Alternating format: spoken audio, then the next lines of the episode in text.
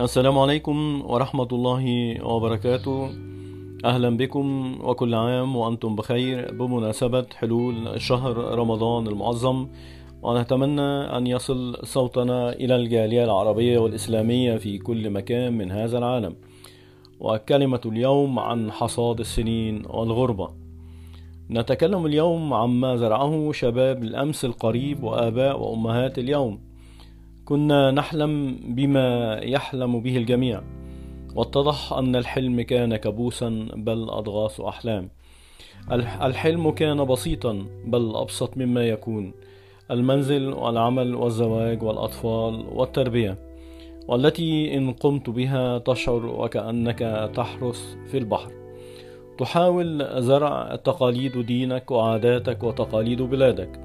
في أسرتك الصغيرة وأنت مغترب في عالم سريع لا مكان فيه للرحمة أو المبادئ. تعتقد دائما أنك تفعل الصواب مع أولادك وبناتك. تعتقد أنك ستنجح وتعبر الحياة دون مناغصات ثم تكتشف أن كل ما حلمت به هو يخصك فقط ولا يخص أطفالك.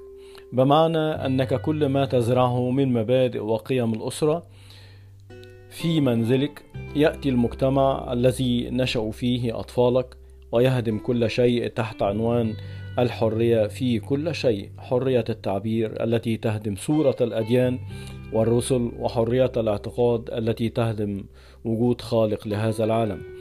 كيف تتخيل ولو للحظة واحدة أنك من الممكن أن تنجح أن تزرع أنت تزرع والمدرسة تقلع؟ أنت تقول لأولادك أن هناك رب لهذا العالم وهم يقولون يقولون العكس. أنت تقول أن الحرية لها حدود وعندهم لها تفسير آخر يهدم معنى احترام الجسد والروح. ماذا تنتظر من هذا العالم؟ هل حققت حلمك أنت وأم الأولاد؟ أم أنت مثلي زرعت كل جميل وحصدت حنظل؟ كلام يوجع.